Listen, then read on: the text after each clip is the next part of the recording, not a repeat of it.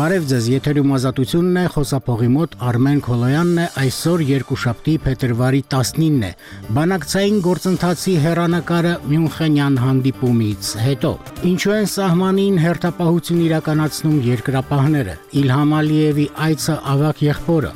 Ինչ լուծում կստանա Տիգրան Արաքելյանի բողոքը, ռուսական իշխանությունը Ալեքսեյ Նավալնիի դին չի փոխանցում հարազատներին, այլ թեմաներ, բայց նախ լուրեր, տեսությունը կներկայացնի Լուսինե Մուսայելյանը։ Հայաստանի եւ Ադրբեջանի ղեկավարների Մյունխենյան մոտ 1 ժամ տևած բանակցություններից հետո Իլհամ Ալիևն ու Նիկոլ Փաշինյանը հայտարարել են առաջիկայում արտգործնախարարների հանդիպման շուրջ պայմանավորվածության մասին, կողմերը նշել են երկու երկրների դիվանագետների քննարկման առանցքային հարցը խաղաղության պայմանագրի համաձայնեցումն է մանրամասները ծրագրի ընթացքում։ Մոսկվայի եւ Երևանի դիրքորոշումներն Ուկրաինայի հարցում տրամագծորեն տարբեր են Ռուսաստանը կշարունակի համառորեն բացատրել իր ճշմարտացիությունը։ Այս մասին հայտարարել է Կրեմլի խոսնակ Դմիտրի Պեսկովը մեկնաբանելով վարչապետ Փաշինյանի հայտարարությունն ըստ որի Ուկրաինայի պատերազմի հարցում Հայաստանը Ռուսաստանի դաշնակիցը չէ։ Պաշտոնական այցով Թուրքիա ժամանել Ադրբեջանի նախագահ Իլհամ Ալիևը քիչ առաջ Անկարայում մեկնարկել է Թուրքիայի եւ Ադրբեջանի առաջնորդների երկկողմ հանդիպումը։ Սպասվում են երկկողմ կողմ համաձայնագրերի ստորագրում։ Ալեքսեյ Նավալնիի մորն ու փաստաբաններին թույլ չեն տալիս մտնել Սալեխարդի դիահերձարան, որտեղ ենթադրաբար գտնվում է քաղաքական գործչի մարմինը, հայտնել է Նավալնիի խոսնակ Կիրա Յարմիշը, նրա խոսքով քնչական կոմիտեում մորն ու փաստաբաններին ասել են, որ Նավալնիի մահվան հետաքննությունը երկարաձգվել է, թե որքան կտևի հայտնի չէ, մահվան պատճառը դեռևս չի ողջվել։ ՄԱԿ-ի միջազգային դատարանում մեկնարկել են Պաղեստինյան տարածքներում Իսրայելի գործողությունների իրավական հետևանքների վերաբերյալ լսումներ նման խնդրանքով 2022 թվականի դեկտեմբերի ՄԱԿ-ի գլխավոր ասամբլեաներ դիմել միջազգային դատարան խոսքը, մասնավորապես Պաղեստինյան ժողովրդի ինքնորոշման իրավունքը Իսրայելի կողմից շարունակաբար ոտնահարելու մասին է նշում է Ֆրանս պրեսը վկայակոչելով հայցը։ Իսրայելի ռազմական կաբինետի անդամ Բենի Գանցը նախազգուշացրել է, եթե Համասը մինչև մարտի 10-ը ազատ չարձակի Գազայում պահվող բոլոր պատանդ պաշտպաններին բանակը կներխուժի Ռաֆահ Եգիպտոսին սահմանակից այս բնակավայրում են ապաստանել Գազայի հատվածի փախստականների մեծ մասը շուրջ 1.5 միլիոն մարդ։ Իսրայելի արտգործնախարար Իսրայել Կացը հայտարարել է, որ Բրազիլիայի նախագահ Լուլա դա Սիլվան հրեական պետությունում պերսոնա նոն գրատա է հայտարարվել, քանի դեռ ներողություն չի խնդրել Իսրայելը Հիտլերյան Գերմանիայի հետ համեմատելու համար։ Բրազիլիայի առաջնորդը երեք հայտարարել է, որ Իսրայելի կողմից Գազայի հատվածում խաղ բնակչության կոտորածներն իրենց բնույթով կարելի է համեմատել հրեաների դեմ Հիտլերի հանցագործությունների հետ։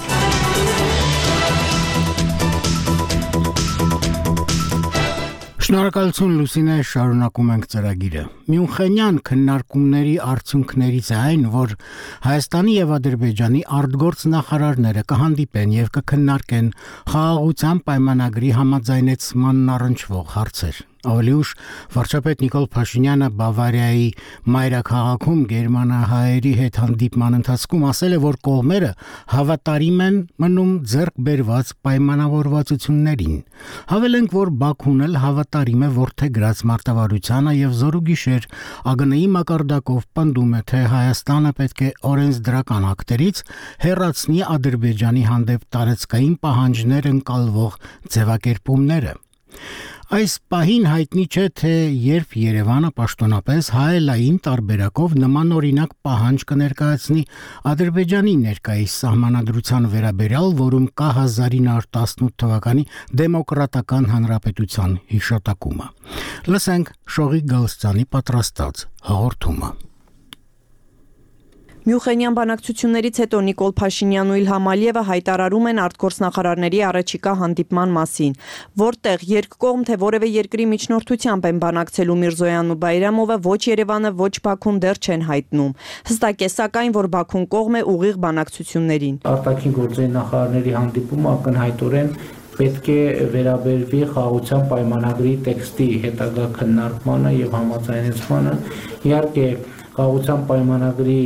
մի շարք հոդվածներ համաձայնեցված են, բայց մի շարք հոդվածներ, որոնք ունեն սկզբունքային նշանակություն, նրանք դեռևս համաձայնեցված չեն եւ այդ ուղղությամբ պետք է աշխատանքներ իրականացվեն։ Մյունխենի հայ համայնքի ներկայացուցիչների հետ հանդիպմանը վարչապետ Փաշինյանը Ալիևի հետ դեմարդեն բանակցություններից շատ փակագծեր չբացեց։ Սեղանին ասած կարևոր մի հարց է դրվել. արդյոք կողմերը վերահաստատում են Պրահայում եւ Բրյուսելում ձեռք բերված պայմանավորվածությունները։ Այս հարցի շուրջ Փաշինյանի ու թիմակիցների հայտարարությունները parberabar փոխվել են։ Նախ վարչապետը պնդում էր, թե դրանք համաձայնեցված են, ապա կասկածներ հայտնում, արդյոք Բաքուն պատրաստ է այդ սկզբունքների պահպանմամբ պայմանագիր կնքել։ Թիմակիցներն էլ իրենց հերթին ընդգծում էին, սկզբունքները համաձայնեցված են եւ զրոյական կետի վերադառնալու կարիք չկա։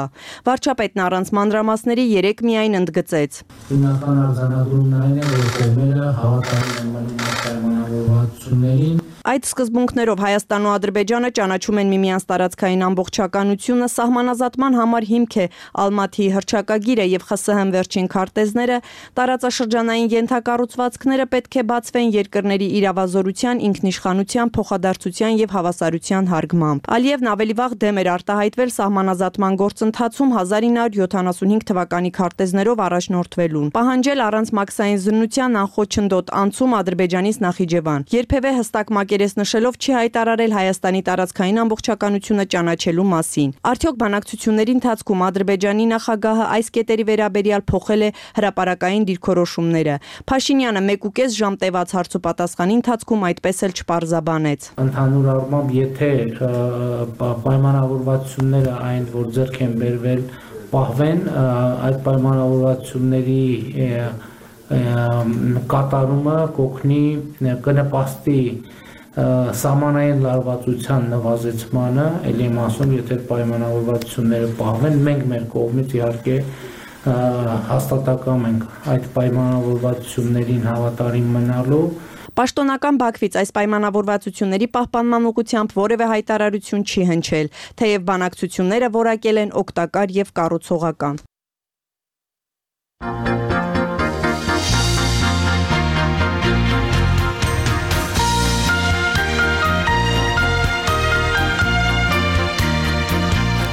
Ադրբեջանական կողմի մեկ այլ դժգոհությունն էլ այն է, թե ինչու են սահմանին իբր վարձկաններ տեղակայվում։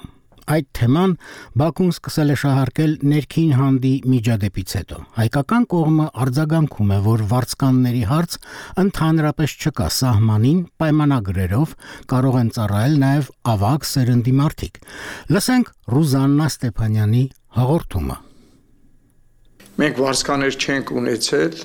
եւ վարձկան չկա մեր երկրում։ Այստեղ Հայաստանցին հայ տղանա, որ իր սահմանները պահում է Պաշտոնական Երևանն առայժմ չի արձագանքել երկրապահ կամավորական միության դիրքապահներին վարձկաններ որակելու Բաքվի հայտարարությանը։ Ներքին հանդի սահմանային բախումներից հետո, որի հետևանքով 4 հայ կամավորներ սպանվեցին, Ադրբեջանի արտգործնախարարությունը Հայաստանից պարզաբանում պահանջեց, թե մեջբերում եմ ինչ հիմքով են դիրքերում տեղակայված ռազմական տարբեր խմբավորումների վարձկանները ենթակա դարձել պաշտպանության նախարարությանը։ Առայժմ խորհրդանի պաշտպանության հանձնաժողովից են հակադարձում Բաքվին։ Իրանք ուղղակի չեն հասկանում երկրաբակ կամավորականները ինչա նշանակում, կամ էլ հասկանում են իրանց տրել են ինչ որ մի կենթանու տեղ։ Դա մեր կամավորականներն են, որ 90-ականներից գոյություն ունեն, կան եւ կմնան ընդմիշտ, քանի հայությունը կա, Հայաստանը կա, մեր կամավորականները միշտ էլ կլինեն։ Պաշտպանության հանձնաժողովի անդամ ԵԿՄ-ական Գագիկ Մելքոնյանը հակադարձելով Բաքվից հնչած որակումներին հիշեցնում է, որ հենց Ադրբեջանն էր վարձկաններ ներգրավել 44-օրյա պատերազմի ընթացքում։ 44-օրյա պատերազմին, երբ որ իրանք վարձկաները բերեցին Սիրիայից, ու նաև ուրիշ երկրներից վարձկաներ բերեցին եւ իրենց զորքը, թուրքական զորքը ճաշված Իրանք նաև վարձկաներին բերեցին ու լավ են հիշում թե ինչ էր կատարում։ Երկրապահ կամավորական միության տասնյակ անդամներ այսօր հերթափոխով դիրքային ծառայություն են իրականացնում սահմանի տարբեր հատվածներում։ Իշխանական падգամավորի փոխանցմամբ նրանք համարվում են պայմանագրային զինծառայողներ եւ ենթարկվում են պաշտպանության նախարարության հրամաններին։ Բանակի կազմում բանակի հրամանների ներքո կատարում են բանակում տված բոլոր հրամանները Եթե ինքը սահմանում կանգնած է, ուրեմն նշանակում է դա ենթակվում է պաշտպանության նախարարությանը։ Իրանք համարում են պայմանագրային զինծառայողներ են դրանք, որոնք ստանում են աշխատավարձ, որոնք ինչպես մնացած զինվորները նորից սննդից, համազգեստից, բանից ստանում են պաշտպանության նախարարությունից։ Իրենք պայմանագիր են կնքում։ Այո, պայմանագիր են կնքում եւ ծառայում են։ Իրանք համարում են պայմանագրային զին ծառայողներ թե ինչու են սահմանի տարբեր հատվածներում դիրքային ծառայություն իրականացնում երկրապահ կամավորական միության անդամները ռազմական գերատեսչությունից չեն մեկնաբանել։ Խորհրդանի պաշտպանության հանձնաժողովի նախագահն ավելի վաղ ազատության այդ զրույցում նշել էր, որ սահմանում մարդկային ռեսուրս է անհրաժեշտ եւ կամավորները շատ դեպքերում, ինչպես օրինակ ներքին հանդում, օգնում են զինված ուժերին։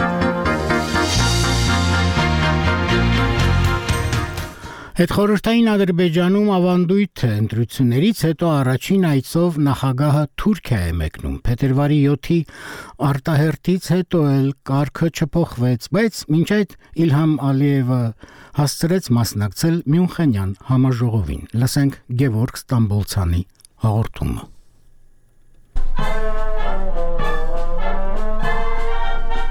Ադրբեջանի նախագահի դիմավորման պաշտոնական արարողությունն Անկարայի նախագահական պալատի տարածքում կայացավ բառացիորեն մի քանի րոպե առաջ. Ալիևն Անկարայի Բեշթեփե թաղամասում գտնվող նախագահական համալիր ժամանեց մի քանի տասնյակ ձիավորների ուղեկցությամբ։ Այստեղ նրան դիմավորում էր անձամբ Ռեջեփ Թայիփ Էրդողանը։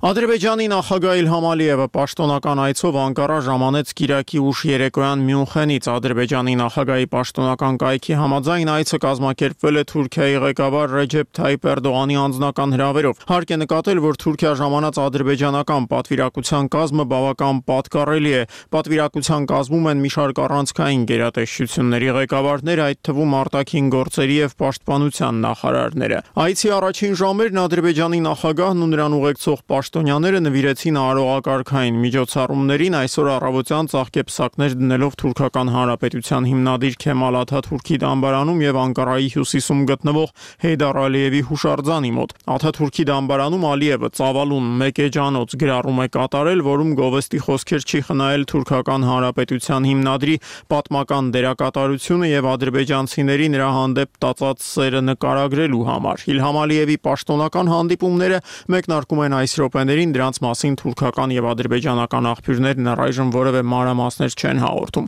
Վերջին անգամ Թուրքիայի եւ Ադրբեջանի նախագահները դեմ առ դեմ հանդիպել էին նոյեմբերի 4-ին Աստանայում թուրքական Անադոլու գործակալության փոխանցմամբ երկու երկրների նախագահներն այդ օրը քննարկել էին հիմնականում Գազայում ստեղծված իրավիճակն Ալիևն ու Էրդողանն Աստանայում կայացած հանդիպման ժամանակ բնականաբար չէին շրջանցել նաև հայ-ադրբեջանական կարգավորման հարցը Երևանի եւ Բաքվի հարաբերությունները սակայն առավել հանգամանորեն Փոխանցորեն կողմերը քննարկել էին դրանից 5 շաբաթ առաջ. Լեռնային Ղարաբաղի դեմ Ադրբեջանի հարձակումից մի քանի օր անց։ Մուզաֆեր Ադրբեջան օրդուսունու սեպտեմբերի 25-ին այն նույն օրը, երբ մեկնարկում էր Արցախայության տեղահանումը, Էրդողանը Նախիջևանում էր, որտեղ շնորհավորելով իր ադրբեջանցի գործընկերոջը բարձր էր գնահատել մեջբերում ադրբեջանական բանակի կողմից խաղաղ բնակչության հանդեպ ցուցաբերած մարդասիրական վերաբերմունքը։ Այդ նույն օրը Նախիջևանում Էրդողանը հայտարարում էր, թե Լեռնային Ղարաբաղում ադրբեջան Ադրբեջանի հաղթանակը հնարավորությունների նոր պատուհան է բացում տարածաշրջանում հարաբերությունները կարգավորելու համար։ Yeni fırsat pencereleri açılmıştır. Ադրբեջանը չէր համարցակվի 2020-ի սեպտեմբեր 27-ին պատերազմ սկսել առանց Մոսկվայի թույլտվության։ Հիմա էլ Ռուսաստանը Ադրբեջանի ձեռքով Հայաստանին պատժում է արևմտամետ կողմնորոշման համար։ Համաձայն եք շատ շատերն են լոկ մեկ անգամ մտածել այդ մասին, չէ՞։ Բայց պատկերացրեք նման կարծիք է հայտնում նաև ադրբեջանցի ընդդիմադիր Արիֆ Յունուսովը։ Նրա հետ նախորդին զրուցել է Հրայր Թամրազյանը Այս վերջին միջադեպը Հայաստանի հետ սահմանին, երբ ադրբեջանական կրակոցների արդյունքում 4 հայ զինվոր է զոհվել, վկայում է, որ Իլհամ Ալիևը մեղմ ասած խաղաղության ախորժակ չունի։ Ինչ կարող եք ասել այս մասին։ Привелось два фактора. Один фактор Սամվել Խամալիև։ Այստեղ երկու գործոն է միահյուսված։ Գործոններից մեկը հենց Իլհամ Ալիևն է, նրա անձը, նրա դերը։ Մեկ այլ գործոն Աշխարհակհանն է։ Երբ մենք միշտ ասում ենք Ղարաբաղյան հակամարտություն, նկատի ունենք միայն մեզ, հայերին եւ ադրբեջանցիներին, Հայաստան եւ Ադրբեջանին, համապատասխանաբար այդ երկրների առաջնորդներին։ Բայց իրականում մենք նույնիսկ այս հակամարտությունում գլխավոր դերը չենք խաղում։ Անընդհատ կրկնում եմ, որ դեռ 1992 թվականին ժամանակվա նախագահի պաշտոնակատար Յաղուբ Մամեդովը ասում էր, որ մենք աշխարհակաղակական մեծ խաղի խաղակարերն ենք։ Այս մասին նա 1992 թվականին Այնուհետև դա մեկ անգամ չէ, որ կրկնել է հանգուցյալ դիվանագետը, ով Մինսկի խմբի շրջանակներում բանակցություններ էր վարում, Վաֆա Գուլուզադեն։ Նա նաև բազմիցս ասել է, որ մենք եւ հայերն ամեն ինչ չէ, որ որոշում ենք, որ կան ավելի ուժեղ խաղացողներ։ Իհարկե առաջին հերթին նկատի ունենալով Ռուսաստանը։ Այսօր սա ավելի արդյական է, քանի որ այսօր մենք խոսում ենք աշխարհակաղակական արճակատման մասին։ Այսինքն մի կողմից հենց ինքը Ալիևը, ով Ադրբեջանում իրական ոստիկանական պետություն ստեղծեց, ով ինքն է բռնապետ եւ վտանգ է ներկայացնում առաջին հերթին իհարկե մեր ադրբեջանցի ժողովրդի համար, քանի որ հիմնական կորուստները նրա բռնապետական այլ ոչ թե ավտորիտար կառավարումից կրում է հենց ադրբեջանի ժողովուրդը։ Մեր բանտերը լցված են, այսինքն այս ռեժիմի առաջին զոհերը մենք ենք։ Իհարկե ոչ մենք, այլ այս դեպքում, երբ խոսքը վերաբերում է տարածաշրջանին, ապա իհարկե այս առումով դժում է նաև Հայաստանը, որովհետև օրինակ հիմա Փաշինյանն իսկապես ուզում է խաղաղություն, բայց այս դեպքում ադրբեջանական կողմից բոյկոտ եւ հակազդեցություն կա։ Եվ այստեղ հարց է առաջանում. ինչու է լինում այս հակազդեցությունը։ Օբյեկտիվորեն նույն Փաշինյանի գործողությունները բխում են իհարկե հայ ժողովրդի շահերից, բայց ոչ պակաս ադրբեջանի ժողովրդի շահերից։ Այսինքն, եթե նայենք ադրբեջան հասարակական տրամադրություններին, նույնիսկ հաշվի առնելով այն հաղթական էйֆորիան, որը կար 2020 թվականին եւ հատկապես անցյալ տարվա սեպտեմբերի 19-ի մեկօրյա մարտերից հետո Ադրբեջանում այնուամենայնիվ ցանկություն չկա պատերազմելու Հայաստանի դեմ։ Այսինքն Հայաստանի հետ պատերազմը պոպուլյար չէ ադրբեջանական հասարակության մեջ։ Ղարաբաղն ուրիշ է, ինչպես մեզ մոտ ասում են, սա մեր տարածք, բայց Հայաստանի հետ պատերազմը խիստ ոչ պոպուլյար է եւ վարչախմբի այս բոլոր քարոշչական նկարտումները Զանգեզուրի միջանց, Գյոյչան, Երևանը վերացնելու մասին խոսույթը մեծ հաշվով աջակցություն չեն դեմ հասարակության մեջ։ Հասարակությունը խաղաղություն է ուզում։ Եթե Փաշինյանն արդեն 2022 թվականին համաձայնել է ճանաչել Ղարաբաղը որպես Ադրբեջանի մաս, եւ հիմա մենք խոսում ենք այս ամենը խաղաղ պայմանագրով իրավաբանորեն ձևակերպելու մասին, Եթե վերջ Հայաստանը ճանաչում է Ադրբեջանի տարածքային ամբողջականությունը Ղարաբաղի հետ միասին, եթե դրանից հետո գալիս են սահմանագծման եւ սահմանազատման հետ կապված հարցեր, ապա ի՞նչն է խանգարում Ալիևին համաձայնվել։ Իսկ այստեղ կա Ռուսաստանը։ Ռուսական այս գործոնը հսկայական դեր է խաղում։ Առանց Ռուսաստանի համաձայնության Ադրբեջանն իհարկե պատերազմ չէր սկսի 2020 թվականին, բայց մենք հիանալի հասկանում ենք, որ Ռուսաստանի չեզոքության գինը Ադրբեջանի համաձայնությունն էր թույլ տալու, որ ռուսական զորքերը քառորդ դար հետո հանդես գալով որպես խաղաղապահ կրկին հայտնվեն ադրբեջանական տարածքում։ Եվ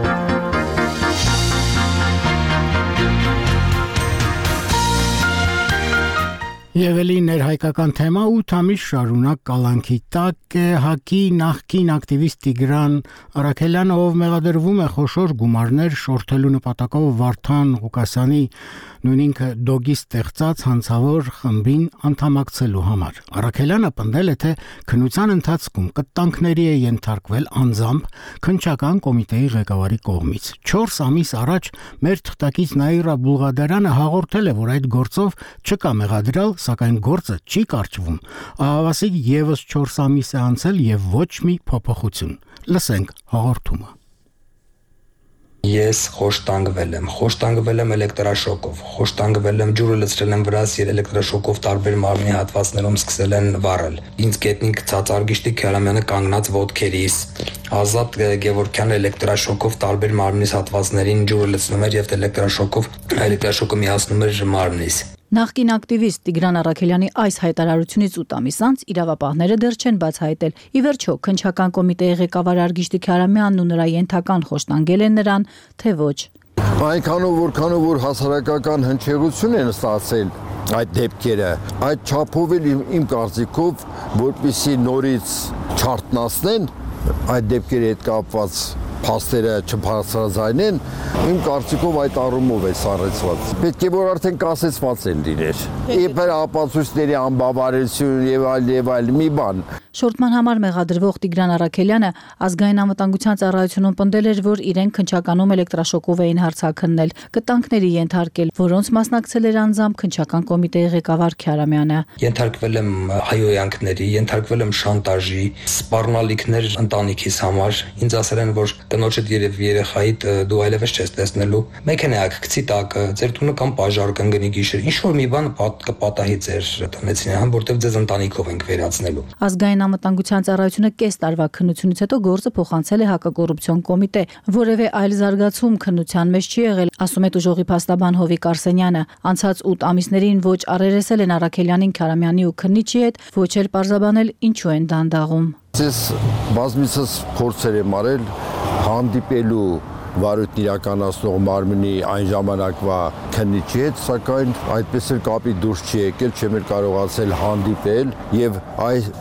այս պահի դրությամբ էլ փնտրտուքի մեջ եմ։ Քնչական կոմիտեն Արաքելյանի հայտարարությունից օրեր անց հերքել էր իր ղեկավարի դեմ ուղղած մեղադրանքները դրանք համարելով անհիմն անհեթեթ։ Միջդեռ տուժող ճանաչված Արաքելյանի փաստաբանը պնդում է. Տիգրանի տան բակի տեսախցիկները արձանագրել են, որ Տիգրանը հարցակնության գնացել է մի հակոստով վերադարձել մեկ այլ։ Հակոստները փոխել են, որ չերևա խոշտանգման փաստը, պնդում է փաստաբանը։ Իրեն խոշտանգելուց հետո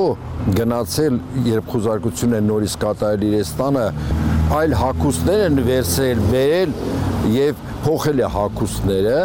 որpիսի չերևա խոշտանգման հետևանքները, որովհետեւ առաջին անգամ երբ որ բերման են ենթարկել այդ հակուսների վրա արյան հետքեր եւ այլ եւ այլն է եղել Տեսագրությունը վաղուց փոխանցել են քննիչին, խնդրել զննել դրանք, բայց ապարդյուն։ Ասել են, երբ որ պահա կգա ժամանակը կգա, այն ժամանակ զնության կենթարկենք։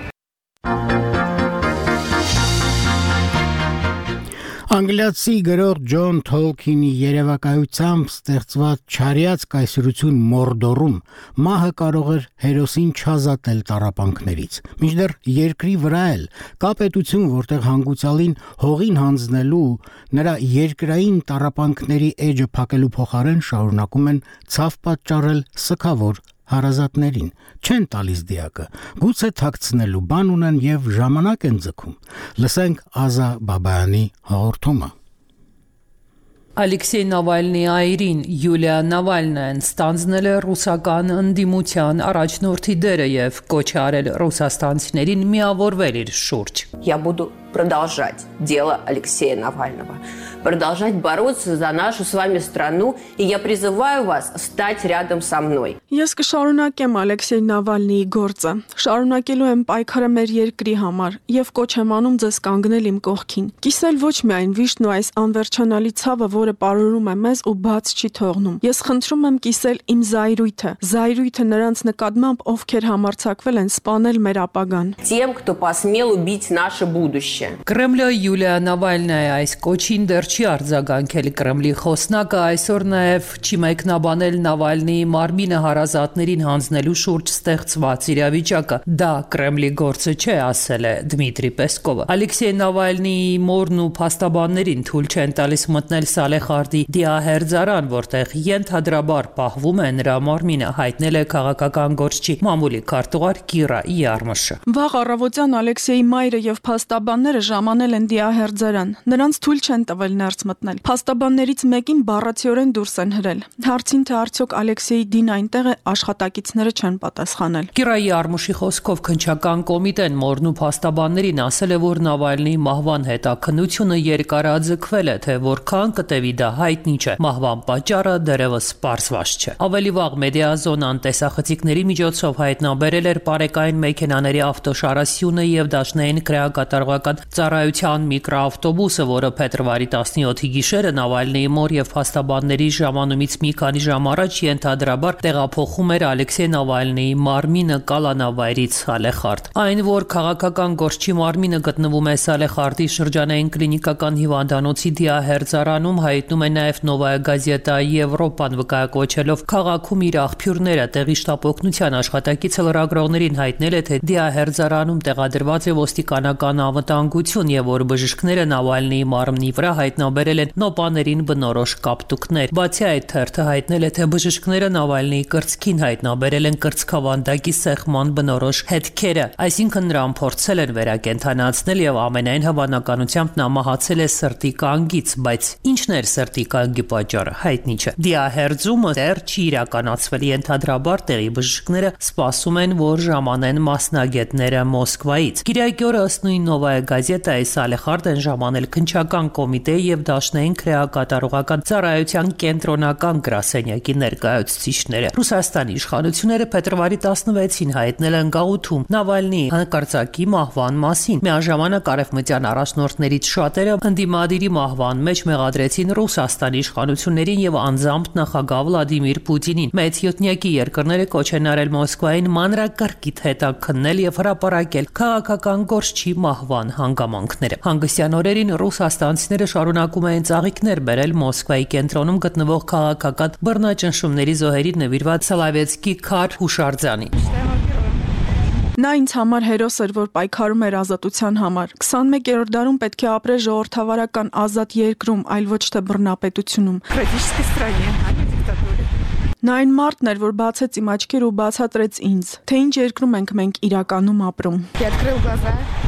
e para o casal uh, где мы живем на самом деле։ Մինչ այդ ռուսաստանցի վերլուծաբանները փորձում են հասկանալ, թե ինչ է կատարվելու Ռուսաստանում Նավալնի մահից հետո։ Արդյոք սա նշանակում է, որ Ռուսաստանը վերջնականապես ընտրել է բռնապետության ճանապարհը։ Ամեն դեպքում քաղաքական մեկնաբան Կիրիլ Մարտինովի խոսքով այսօր արդեն կարելի ասել, որ մարդու կյանքը Ռուսաստանում այլևս որևէ արժեք չունի։ Жизнь всех людей, которые находятся в России под угрозой, Ռուսաստանում գտնվող բոլոր մարդկանց կյանքը վտանգի տակ է։ Դա հատկապես պարզ դարձավ փետրվարի 16-ից հետո։ Հատկապես քաղբանտարկյալների կյանքն է շատ վտանգված։ В гораздо большей степени Վերլուծաբանների մի մասն էլ ասում է, թե Նավալնիի մահը անկախ նրանից, թե ինչից է Նավալնին մահացել, խոսում է սեփական էլիտայից Պուտինի մեկուսացման եւ իշխանության միջանցքներում վախի մտնոլորտի մասին։ Հակառակ դեպքում գոնե մեկը կարող էր Պուտինին ասել. պետք է հոգալ Նավալնիի կյանքի եւ առողջության մասին գոնե Կրեմլի PR-ի համար։ Ընդ որում Պուտինը Նավալնիի մահը չի լուսաբանել, թեև ավելի վաղ նրա մամուլի քարտուղարը ասել էր, թե Պուտինին նրա մահվան մասին հենց առաջին օրն են զեկուցել։ Ազաբաբայան ազատություն ռադիո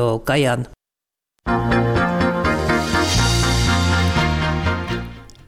Արվեստ ավելի ճիշտ արվեստի շուրջ բյուրոկրատական տվայտանքներ լինել թե չլինել գոյի պարագայում այս դրամատիկ հարցին բացասական պատասխան է տրվել ՊՕԱԿ-ը ոչ եւս է միջդեռ թատերական կոլեկտիվը պնդում է որ խնդիրը կա իսկ Սունդուկյանից արձագանքում են թե գոյը գոյություն չունի ուրեմն խնդիր չկա այս իրավական հանելուկի մասին անուշ մկրչանն է հաղորդում Փաստացի իր գործունեությունը դադարեցրած գոյի դերասաններն իրենց թատրոնը փրկելու հույսով այսօր գրեթե ամբողջ կազմով դատարանում էին։ Չնայած 1 տարվա պայքարին անցած ամիս նորանշանակ տնորեն Կարեն Սիմոնյանի մեկ ստորագրությամբ 35 տարի գործող գոյը միացավ Սունդուկյանի անվան թատրոնին։ Այսօր դատարանի Լեփլեցուն դահլիճում նիստը շատ կարճ տևեց։ Գոյի իրավահաջորդ մայր թատրոնի ներկայացուցիչ Մարատ Ատովյանը հրաժարվեց հայցից։ Ընդդում եք ձեր պահանջը։ Այո, ամբողջությամբ, ամբողջությամբ Պետրեգիստրում գոյություն չունեցող գոյը հայտնվել է իրավական անհստակության մեջ։ Իր անունից այլևս իրավական պայքար տանել չի կարող։ 23 աշխատակիցներ այսօր ինքնուրույն պահանջ էին ներկայացրել։ Նրանց շահերը ներկայացնող փաստաբան Կարո Ասատրյանը թեև պնդում է, որ այս ամբողջ գործընթացում շահերի բախում կա, այդուհանդերձ դատարանն էլ իր հերթին այս միջնորդությունը մերժեց ընդունումը մերժելու է կայացվել, բայց հիմա երևի թե մի հատ հասկանանք ինչ է, որտեվ ես էլ եմ շփոթության մեջ։ Գոյը դեռ անցած տարի ամռանը վարչական դատարան էր դիմել պահանջելով անվավեր ճանաչել Սունդուկյանին միացնելու կառավարության որոշումը։ Վարչական դատարանից գործը քաղաքացիական էր տեղափոխվել։ Հա, որտեղ ռեգիստրից անեցին հիմնակը։ Հիմա որևէ դատարան ասում դուք ով եք։